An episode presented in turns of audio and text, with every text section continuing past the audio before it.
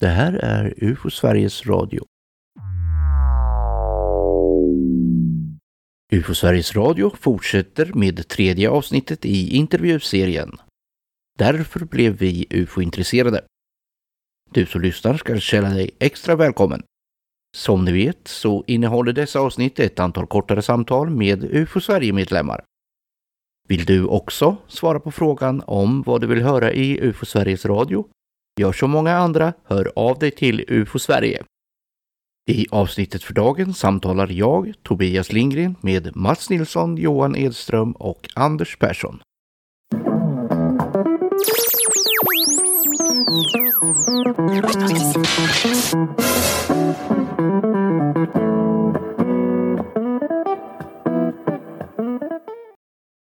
Ja, då önskar jag dig Mats Nilsson välkommen till UFO Sveriges Radio. Tack så mycket. Vill du berätta vem du är och hur du blev intresserad av UFO-fenomenet? Ja, jag är Mats Nilsson som sagt och jag blev intresserad av det här. Eh, det började jag som amatörastronom och så började man utveckla frågorna om det fanns möjlighet till andra liv någon annanstans än bara på jorden och på den vägen blev det. Och vilken tid snackar vi om då ungefär? Ja, det var slutet på 50-talet. Början på 60-talet. Det dröjde en stund innan UFO Sverige blev verklighet. Hur länge har du varit medlem i UFO Sverige och hur upptäckte du organisationen? Jag upptäckte organisationen eh, i början på 70-talet. För att jag har varit med nu i UFO Sverige i 47 eh, år. Och det började med att eh, jag fick en eh, tidskrift till mig tillsänd då, för de skickade UFO-information skickade ut då till alla intressenter som eh, hade haft kontakt med, med UFO någon gång i tiden. Det hade jag på 60-talet redan innan UFO Sverige fanns. Så då fick jag en tidning utav eh, Kaj som hette UFO Information. Och där fick jag klämma om att UFO Sverige fanns. Och han startade någon tidskrift innan UFO Sverige existerade eller? Hur menar du? Ja, den här Kaj. Axel Jonsson. Just det. Han hade en tidskrift innan de kom igång med UFO Sverige. Ja, det har jag ingen kläm om. Men sen kom ju UFO Sverige igång då 1970 va? Ja. Och du kom med lite senare. Ja, 1976. Vad tycker du är bra med UFO Sverige av idag? Jag tycker att UFO Sverige är toppenbra för att eh, folk har någonstans att eh, rapportera vad de ser och, och, så här. För att förr så var det ju alltid nere, man vart nerringd då på Försvarets forskningsanstalt som det hette då, forskningsinstitut nu. Och det var polisen fick rapporter och sådär och nu, nu har ju Sverige tagit över allt det där. Och det tycker jag är jättebra. Och folk vet att de ska höra av sig till oss istället ja, för de andra? Ja, precis. Hur tror du att det, att det kom sig att de hörde av sig till polisen då? Eller försvaret? Ja, de hade väl liksom inga andra instanser. Man hade ju då där 90 000 bland annat och sånt där. Jag har ju själv varit med när polisen har ringt mig att jag har fått ta hand om, om eh, saker som eh, folk har ringt larmnumret. Det var så att folk, de vill ändå, vill ändå rapportera någonting men de hade ingen att rapportera till. Nej, precis. Om du skulle vilja ge en vision av UFO Sverige då, i framtiden, hur tycker du att det ska, hur skulle du vilja att det ska se ut? Ja, som nu, fast större och kanske då med betald personal. Det skulle ju vara inte, trevligt. Det skulle inte sitta illa. Som som en, inte statlig, men som en instans liksom som är med, med betald personal. Ja, vi gör ju en samhällsinsats. Ja, det gör vi. Har du själv sett något på himlen som har förbryllat dig? Eh, ja, en gång i april 1967. Det skulle, jag kunna, det skulle kunna bli en egen podd. Det är så långt? Ja, det var där jag kom i kontakt med, med UFO överhuvudtaget. Det var så? Fast det var inte UFO Sverige då, utan att det var ett par killar i Stockholm. Ja, ja. Sten Lindgren och Bjarne Håkansson. Nu måste du ja. säga lite mer i alla fall, innan vi gör en riktig podd av det. Ja, naturligtvis. Det ja. var, ja, vi, jag bodde i ett litet samhälle som heter Heby, utanför Sala. Och eh, en kväll då, vi var ute, det var en fin, fin kväll och det hade skymning och eh, så får vi höra ett ljud som, som var lite märkligt. Och då kommer, kommer det från söder och går mot norr. Det var runt för det, med att det var runt vet jag för att det var lysen runt omkring som cirkulerar kring, kring någonting. Och ljudet, det, det tog mig tillbaka till barndomen på den tiden när, när min pappa satt i köket med en eh, kaffekvarn mellan knäna och malde kaffe. Och det ljudet kom det från det här föremålet. Och jag hade sinnesnärvaro att eh, springa in till grannen och banka på deras dörr. Och då kom det tre stycken ut där, så vi var sex stycken som såg det här samtidigt. Och sen, det, var så mycket observationer på den tiden, eh, runt, runt 67. Så att eh, då var det en grupp i Stockholm då som hette ABC. De hade ju satt lite annonser i olika tidningar, bland annat i våran hemtidning Sala Allehanda, att man kunde höra av sig om man har varit med om någonting. Och jag skrev till dem. Och då kom jag, kom jag i kontakt med, med den första UFO-föreningen. Som sen visade sig inte vara arbeta på sånt sätt som jag vill utan man, man, man, det enda jag fick då, när jag hade skrivit det här brevet så fick jag ett, ett brev tillbaka efter någon vecka. Det var ju eh, snigelpost på den tiden.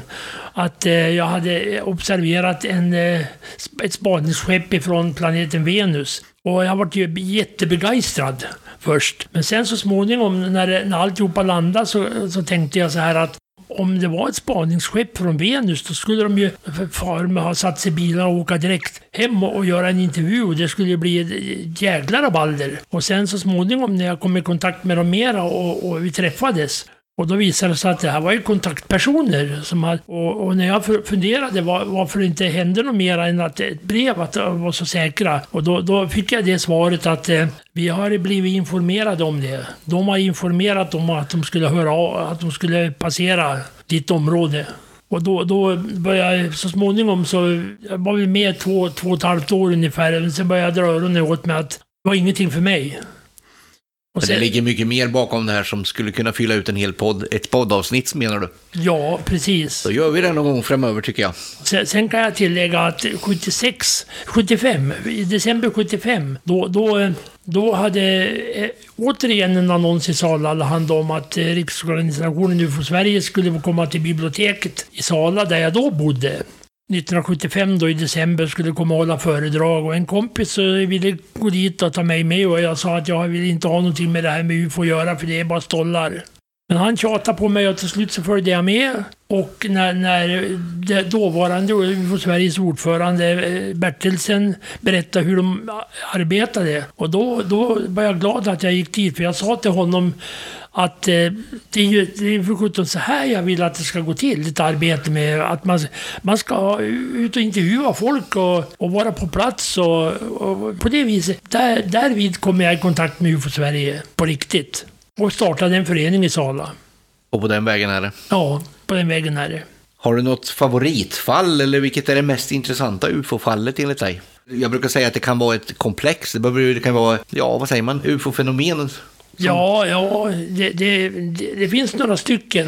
Jag håller för närvarande på att läsa om Håkan Blomqvists bok. Hans andra bok. Jag kommer inte ihåg namnet nu, men i alla fall. Eh, och där står det ju en del intressanta fall. Men så har vi ju Pollenkungen tycker jag är intressant. Och så Väddefallet. Och det är ju sådana här som inte riktigt eh, klarlagda än vad, vad, vad det har varit för någonting. Det har blivit lite av klassiker. Ja, det har det blivit. Legendariska fall. Är du en talare, lyssnare eller läsare? Jag är nog både mest läsare och lyssnare. Jag talar gärna också i och för sig, men jag är nog mest eh, läsare. Bra svar. Har du någon favorithypotes när det gäller de här ufo-fenomenen? Jag vet faktiskt inte. Vi, vi, har ju en lista som vi brukar visa ibland på alla möjliga olika varianter, men ja. ofta brukar man få baka ihop flera stycken. Ja, precis. Men det är ingen sådär som är, den här tycker jag är lite, lite närmare mig. Och den här är lite längre ifrån mig kanske. Ja, nej, jag, jag har inget direkt svar på det faktiskt. Rak arm så här. Finns det några andra märkliga fenomen förutom då själva UFO då, som du är intresserad för? Ja, det, det finns det. Och då vill jag väl kanske inte kalla det för fenomen, för mitt andra stora intresse det är ju forntida eh, arkeologi pyramiderna i Egypten och sådana där saker, det är jag intresserad av. Jag har själv varit där och studerat på plats. Det, det är någonting som också fascinerar mig, förutom ufologi då. Har du och din omgivning samma uppfattning om din världsbild?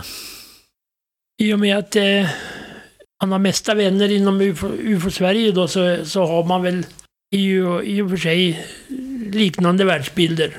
Sen när det gäller andra personer så det är svårt att svara på. Jag tänker om, den, om du vet någon som går omkring och tror någonting som inte stämmer. Vad, vad de tycker om en och sådär. Det, det tycker väl att man är lite stollig och sådär, men det var mera förr. Nu, nu, nu är det ju så accepterat det här med UFO tack vare UFO Sveriges arbete utåt. Så det, är, det är väl det, det svar jag har på det. Vem eller vad skulle du vilja höra i UFO Sveriges Radio framöver? Du får välja allt, hela världen. Intressanta fall. Märkliga fall som är ouppklarade. Vi har ju haft en del sånt. Jag kan ta ett exempel när Anders Berglund berättade om det här fallet i Polen med den mannen med hästskjutsen. Jan Wolski. Ja, precis. Det var väldigt intressant. Så jag fick ju honom att skriva en artikel till min Rapportnytt då, som jag var redaktör för förut. Den typen av intressanta program vill du höra mer om? Jajamän. Låter alldeles utmärkt. Vill du lägga till något här mot slutet innan vi avslutar? Kanske någon rekommendation till lyssnarna? Nej, jag tycker att det här med UFO Sveriges Radio det är en fantastisk grej. Så jag tycker att det, det ska utvecklas mera. Det tycker jag. Det, det är väl vad jag, vad, jag, vad jag anser om det hittills. Då får jag tacka dig Mats Nilsson för din medverkan i UFO Sveriges Radio. Ja, tack så mycket.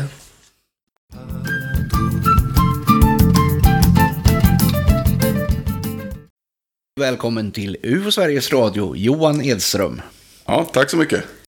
Skulle du vilja berätta lite om vem du är och hur du blev intresserad av UFO-ämnet? Eh, ja, vem jag är? Jag är en något år lite mer gubbig kille. Och eh, hur jag blev intresserad? Jag var intresserad länge av man säger, lite udda saker och oförklarliga saker och vetenskap. Ja, sen just UFO-fenomenet och UFO-Sverige var genom att jag träffade Martina Myrtorp. Som eh, har varit med i föreningen länge då och var styrelsemedlem. Och, det var på så vis du upptäckte själva ja, UFO-Sverige? Ja, precis. Eh, jag nog jag har varit intresserad av ämnet länge men jag tror om någon hade, om någon hade sagt att det fanns en organisation som, som hette UFO Sverige så hade jag nog antagit att ja, det är nog lite... Du visste inte ens att den existerade? Nej, jag visste inte innan. Nej, nej, men det, det får ju vi ta på oss här då, för då har vi gjort ett dåligt jobb. Ja. Vi vill ju att, att man ska känna till den. Ja, precis. Ja, men ja. det gjorde inte du alltså. Ja. Nej, men jag tror, hade, jag vetat det och bara hört namnet så hade jag nog haft eh, mycket samma fördom som jag tror många har. Att det här är nog bara en samling galningar ja, som, ja, ja. Som, som tror på allting och, och sådär. Och har du inte varit medlem så länge då? Nu menar jag. Nej. Det Några var, det, år i alla fall. Ja, det är något år kanske. Ja, ja men du kanske har hunnit att ändra uppfattning om på Sverige? Det, det har jag verkligen.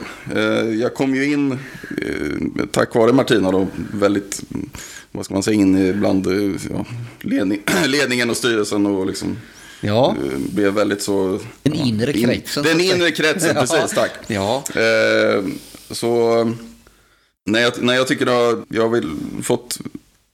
Det är, det är väldigt seriös inställning och, och vetenskaplig, eh, vetenskaplig inställning. Ja, den, jag, den bilden jag, hade du inte innan, det har vänt alltså? Ja, precis. Det, det, det, ja. det har ändrats. Ja. Och jag har även gått en, en eh, fältundersökarkurs nu mm. själv också, som mm. jag tyckte var, var väldigt bra. Och, och jag gillar mycket eh, vetenskaplig metod och, och sådana saker. Och, och, Kanske du till och med har hunnit bilda en uppfattning om vad du tycker är bra med UFO Sverige? Det, det jag uppskattar framförallt är att jag, jag tycker att, att ofta är det så att eh, frågor som kan verka lite sådär underliga och som folk inte riktigt tar på allvar, lite skämtsamma, alltså ufo-fenomen och paranormala saker. Att det behandlas på ett, ett eh, vetenskapligt och metodiskt sätt. Eh, tycker jag är väldigt viktigt och det tycker jag ni verkar göra väldigt bra. Om du skulle få säga någon vision om hur du skulle vilja se UFO Sverige i framtiden, hur skulle det kunna se ut? ja, i och med att jag är ganska ny Ja, men om du ändå har varit intresserad av ämnet ja. skulle du kanske... Ja. Du snackar om det här med vetenskap och det. Ja, att det skulle kunna vara någon... Man skulle gå på den linjen och så bygga något på det. Ja, precis. Um, där tror jag väl kanske lite av ett ett PR-problem. Att, eh, för jag tyckte jag märkte det också med, när jag gick fältundersökarkursen, att jag tror att det fortfarande, de flesta som dras till UFO Sverige är nog personer som, som eh, ofta har, de har haft någon egen upplevelse eller de har eh, mycket andra underliga idéer. Och att det, jag, tror att, jag tror att det finns ett, ett jag vet inte riktigt hur jag ska uttrycka det. Få renodla det på något sätt. Alltså en, en möjlighet är att ha mer, försöka få mer kopplingar till eh, massa universitet och forskningsvärlden. Mm, Eh, Jag tror det, det vi är på rätt väg för att det lättas ju upp nu i samhället som stort och även det med, som händer i USA och sådär. Mm. Förut har ju universitetsvärlden varit paniskt rädd för allt som UFO heter. Ja, precis. det, Det, man vet det har inte fått en riktigt. sån ja, för de har, kufstämpel, också trott att det handl, galningsstämpel. de har ju också trott att det handlar om foliehattar och sånt. Ja, precis. Ja, så vi får ju jobba på att ändra den bilden även Mm. för dem. Absolut bra vision. Har du själv sett något på himlen som du tyckte har varit förbryllande? Jag, jag, vet, jag kan inte komma på någon sån här enstaka upplevelse just av, eh, av sådana saker. Jag är väl egentligen mer intresserad av eh, de här större kosmiska frågorna om, om andra civilisationer i universum, är vi ensamma, mm, människans framtid och, och då kanske du inte har något speciellt favoritfall, sådär, något som du tycker är lite coolare.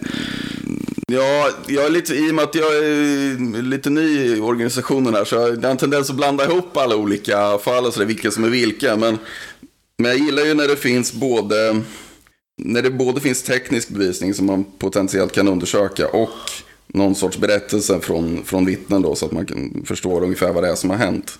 Att det finns någon, någonting där att jobba med och inte bara de här alltså, konstiga ljusfenomen eller någonting Nej, som exakt. kan, som kan vara vad en som prick på helst. himlen som man inte kan, ändå kan göra något åt. Nej, precis. Det, Nej, de, de, det, vi får ju nästan ta emot dem för, för att vi in, inte ska tappa bort de här bra grejerna. Ja, ja, precis. Det är en nål i höstack. Men jag var, jag var ju med ute i, i gläntan tidigare idag. Det var ju Och då snackar vi om den här gläntan där Gösta Karlsson Gösta hade Karlsson. sett precis. sitt tefat. Ja, ja. Den, den historien är ju ganska så... om den är sann så är det väldigt roligt. Men Absolut. den är, ja, den, är, den, är, den är nästan kul bara som hela historien. ja, absolut. Man vet inte riktigt vad man ska tro där. Nej, och det kan ju också vara intressant ibland med eh, där man är, är ganska säker på att, att, att historien som ges, den kan inte vara sann. Men det kan vara något annat intressant. Ja, Som har möjligen brottstycken ur den. ja, precis. Ja, det är otroligt komplext.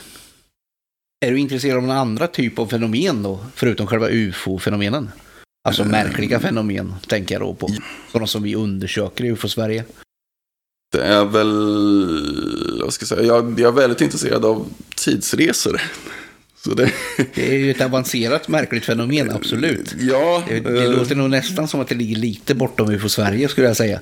ja, Även kanske, om det i, i vissa fall involveras i vissa alltså ufo-fall. ja, ja, kan det ju verkligen vara tidsresor inbakade. Men eh, de är ju de är sparsmakade i våra, våra rapportsammanställningar om man säger så. Det händer inte ofta, men det finns ju folk som berättar om dem. ja. Vem eller vad skulle du vilja höra i UFO Sveriges Radio framöver?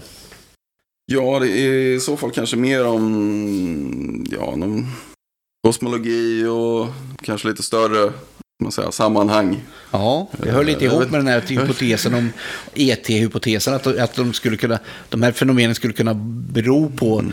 på rymdresenärer till jorden kanske då, eller åt det hållet.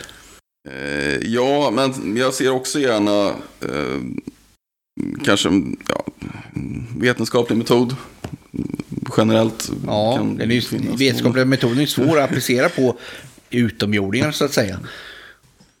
Skulle du vilja lägga till något här på slutet? Kanske skicka med någonting till lyssnarna? Som du som nybörjare här, vad, har du, vad är bra med UFO Sverige? Ja, det är, det är väldigt bra människor. Det är det. Vettiga och eh, roliga. Så du tycker man ska gå med i UFO Sverige? Det, det, är- det är en välgärning. Ja, det, det skulle jag säga. Är man, är, man, är man det minsta intresserad av de här eh, sakerna så, så skulle jag rekommendera det. Ja. Man kan utveckla sin hobby eller sitt intresse för ufologi om man går med. ja, det ska jag säga. Då får jag tacka dig, Johan Edström, för din medverkan i UFO Sveriges Radio. Tack så mycket själv.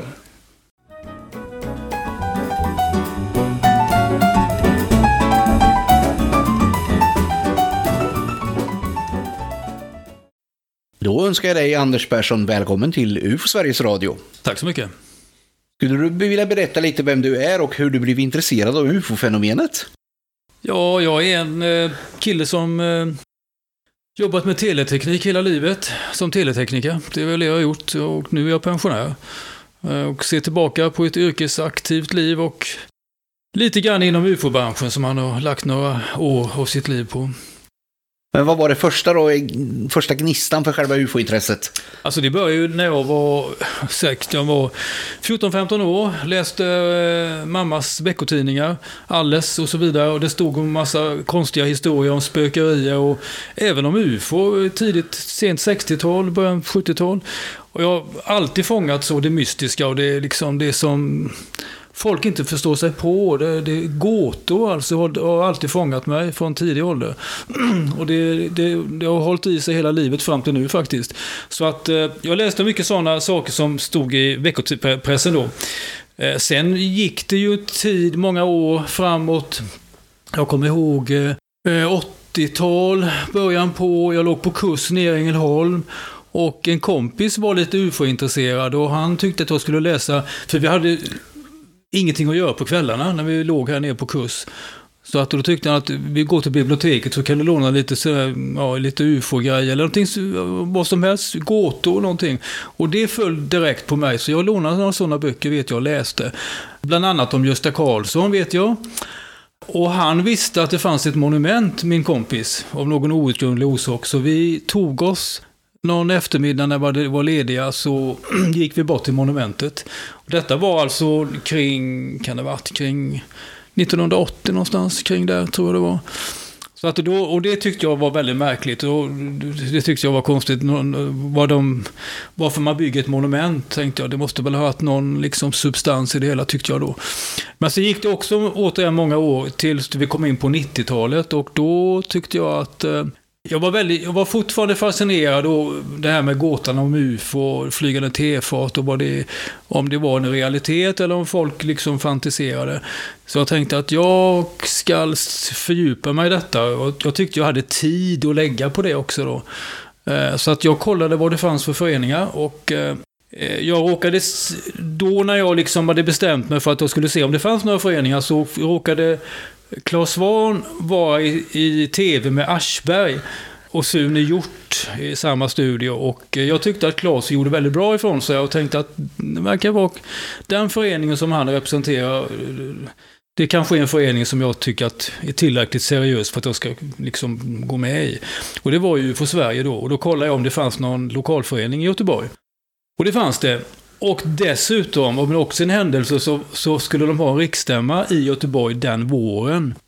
Så då, då hängde jag på och kom till den stämman och fick träffa Claes första gången. Och eh, blev medlem i den lokalföreningen då. Västra Sveriges UFO-förening som det hette. Jag var på några möten på hösten då, då eh, gav inte så mycket. Eh, men sen upphörde föreningen framåt eh, senvintern. De hoppade av princip hela gänget, hela styrelsen. Eh, av olika skäl, sjukdomar, ålder och de orkar inte helt enkelt. Så det valdes en helt ny styrelse fram på vårkanten tidigt. De fick ihop kassör och sekreterare och ett par stycken till. Men ingen ville bli eh, ordförande. Och till slut så gick ju frågan eh, några varv Eh, runt och till slut så tänkte jag få räcka upp handen då. Det måste, vi måste ju driva det vidare liksom, annars faller ju alltihop. Så jag, jag blev ordförande. Och jag hade ju ingen erfarenhet av någonting sånt här innan. Men eh, hur det nu var så var det någon av oss som kom med i föreningen som kände till att det var en massa rapporter från Lilla Edet som ligger eh, norr om Göteborg längs Göta älv. Det var en kille som hette Inge Falk som hade sett väldigt mycket och som det hade stått i lokalpressen där uppe.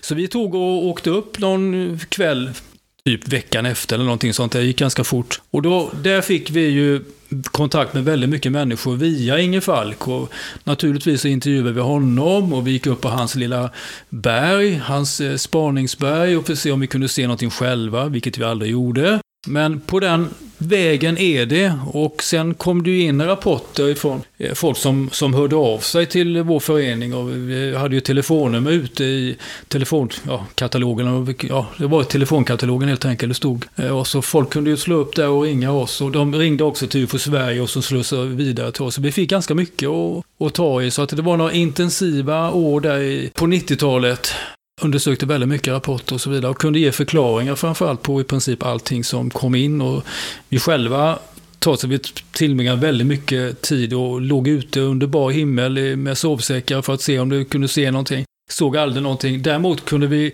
se vad som skulle vara på himlen, alltså typ stjärnfall, olika planeter, månen, eh, molnformationer, framförallt flygplan, små flygplan som, som körde längs Göta älv vet vi på nätterna ibland. Som förmodligen för att få eh, flygtimmar trodde vi att de körde fram och tillbaka. Gjorde de.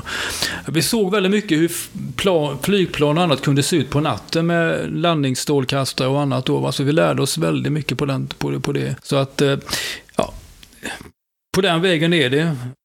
Men det var i början på 90-talet här. Ja, det var det. Och sen 90, var det... Ja, 92 gick jag med och 93 så, kom, så bildade vi en ny förening och Jakob blev ordförande. Vad tycker du är bra med UFO Sverige idag? Alltså det är, det är en organisation som jag, jag tyckte då stod med, med stadiga ben i, i, i vad man säger, myllan. Eh, och fortfarande gör då. Vi, vi talar ju om tredje vägens ufologi, att man, vi, vi är varken eh, troende eller skeptiker, utan vi vill undersöka varje fall. Kanske inte förutsättningslöst helt och hållet, för vi har ju vår erfarenhet som vi bygger upp bakom oss. Och det är ju, den förutsättningen har vi när vi undersöker fall. Men vi undersöker fall eh, var för sig och eh, med all den erfarenheten som vi samlar på oss då, då för att ge en rimlig, som vi själva tycker, bra förklaring. Så jobbade vi på Sverige då när jag började och så vad jag förstår. Nu är inte jag aktiv längre men eh, jag förstår att föreningen ändå jobbar efter de koncepten och det tycker jag är bra. Det är den vägen som man ska jobba om, om man håller på med den här typen av eh, fenomen eller hur Ja, det, du tycker även, även om du skulle ge någon sorts framtidsvision av den här föreningen det är den vägen man ska gå alltså? Ja, jag ser ingen annan väg. Det, det finns ingen annan väg än den, den mittvägen så att säga. Vad, vad det gäller, vad, vad, vad det än gäller. Om det gäller uh, ufologi eller om det gäller... Det är just det här med att undersöka som vi kallar för kärnverksamheten och det, ja, det är ju det, det som det bygger på. Och, och, det är ju det jag är intresserad av. Jag har aldrig varit någon föreningsmänniska egentligen så att det, det som är runt omkring som är nödvändigt för att driva en förening har inte varit mitt kärnintresse på något vis. Det, utan det är att undersöka fall och försöka få en förklaring på det folk ser. Det, det är det som ja, driver mig. Du var ju lite inne på det där. Har du sett något eget? Något som du har blivit förbryllad över? Nej, jag, ärligt sagt, jag har aldrig gjort det. Jag, jag, jag har ju hoppats på att se någonting som jag inte kunnat förklara. Ja, ja men det, inte ens sådär i förbifarten att man nej, hajar till och sen... Nej, nej, nej. nej för en del har, det har ju jag hajat till sådär och sen i nästa sekund så fattar jag vad det är. Ja, det men det tar en liten stund. Uh, uh, nej. nej, inte ens det faktiskt. Nej, nej. Det, jag kan inte påminna mig det. Utan jag, jag har sett en gång i stort sett. Även om det ibland kan det se konstigt ut. Alltså, plan med landningsljus kan, kan man se på väldigt, väldigt, väldigt långt avstånd. Mycket längre än vad man kan tänka sig. Alltså passagerarplan som kommer in från Danmark in mot Landvetter. Så ser man, det har vi förstått då, vi kunde räkna ut tidpunkt och annat då, att vi, vi kan se det när planet tänder sina strålkastare ibland över Danmark. Och det ser ju ut som att planet är ganska nära och, man, och det hänger stilla väldigt länge och kommer närmare och närmare och närmare. Och det, man ser inte att ljuset ökar i styrka knappt förrän det är alldeles intill en då, då, då händer ju saker snabbt. Då, då. Sånt lär man ju sig när man är ute själv och iakttar hur det funkar då. då. Det måste nästan vara så att man är ute på fältet och kollar. Ja, alltså jag skulle vilja säga det att eh, ska man undersöka fall så så räcker det inte bara att intervjua folk och försöka lista ut vad de har sett. Man får nästan också vara ute själv en hel del. På nätter framförallt, för det är då folk ser på när det är mörkt. Då, då hur, hur framförallt flygplan ser ut. Men även alltså planeter och annat. Och Venus över Göteborg, när, när det är inversion och väldigt mycket smuts i luften, kan ju se ut som att eh, planeten lever på något vis. Alltså det, det, det bryts på ett sånt sätt i atmosfären så att det, det är ju inte någon rund liten prick längre, utan det är en massa oformlig massa som jag har sett det vid flera tillfällen själv. Så att det, sånt lär man ju sig. Och, så det, att vara ute och, och titta själv tror jag är väldigt viktigt om man ska själv undersöka saker favorithypotes när det gäller de här genuina fenomenen som man säger? Nej, alltså det är ju ett knippe av olika orsaker. Det är ju det som, man, som, som, är, som till slut det, det, det bottnar i då. Att det inte är en förklaring utan det är en mängd, mängd olika förklaringar. Alltså jag kan ju räkna upp Vi hade ju ett, alltså förutom alla de, man folk tar miste på eh, radiomaster, flygplan, ballonger, planeter, eh, stjärnfall, bolider. Eh, så finns det någonting som heter hägringsfenomen och det, vi hade de här Min-Min-ljusen i Australien vet jag som jag skrev en artikel om.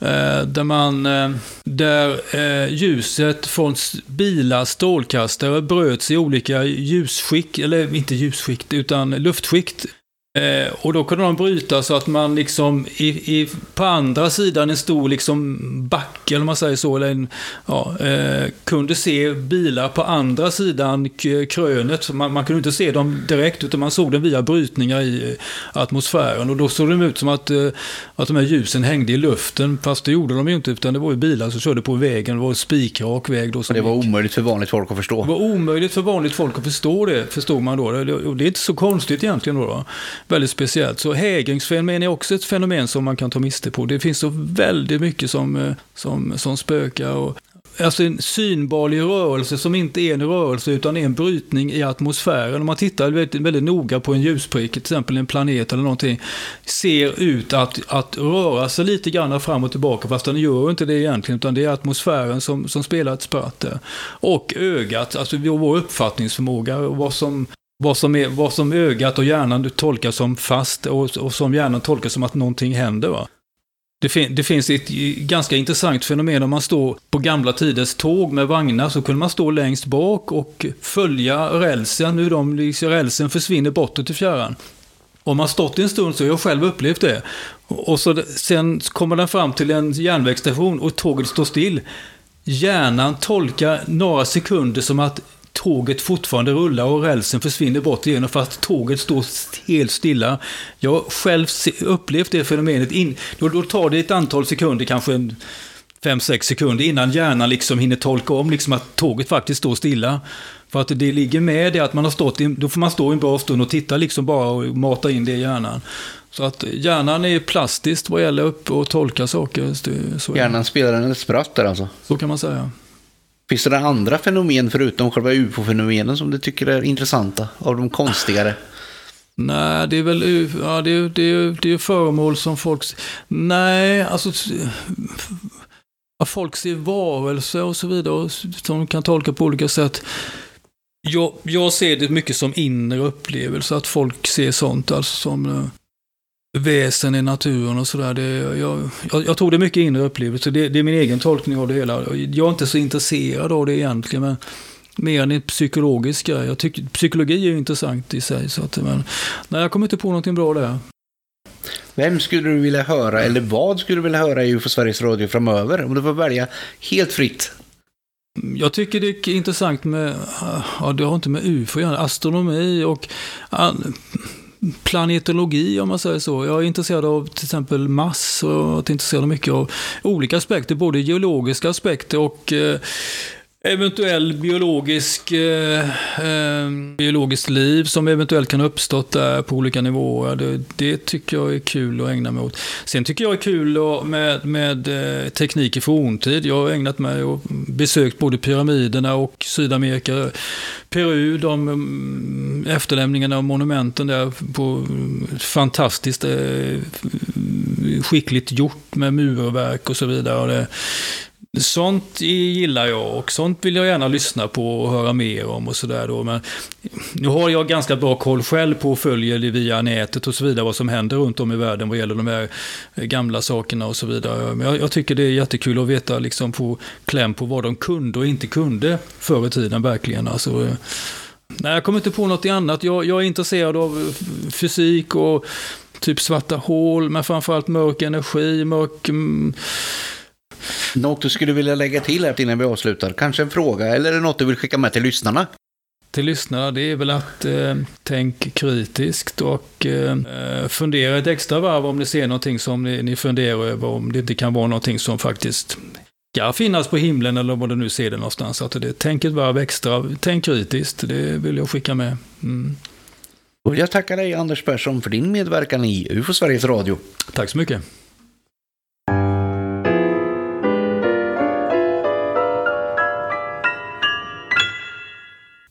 UFO Sveriges Radio produceras av Riksorganisationen UFO Sverige. Info.ufo.se är adressen dit ni hör av er om ni vill kontakta UFO Sverige. Ni som är medlemmar vet att 2023 års riksstämma hålls i Västerås den 20 maj. Ni andra som är intresserade blir enkelt medlem på ufo.se. Berätta gärna för andra som kan vara intresserade att UFO Sveriges Radio finns där man hittar poddar.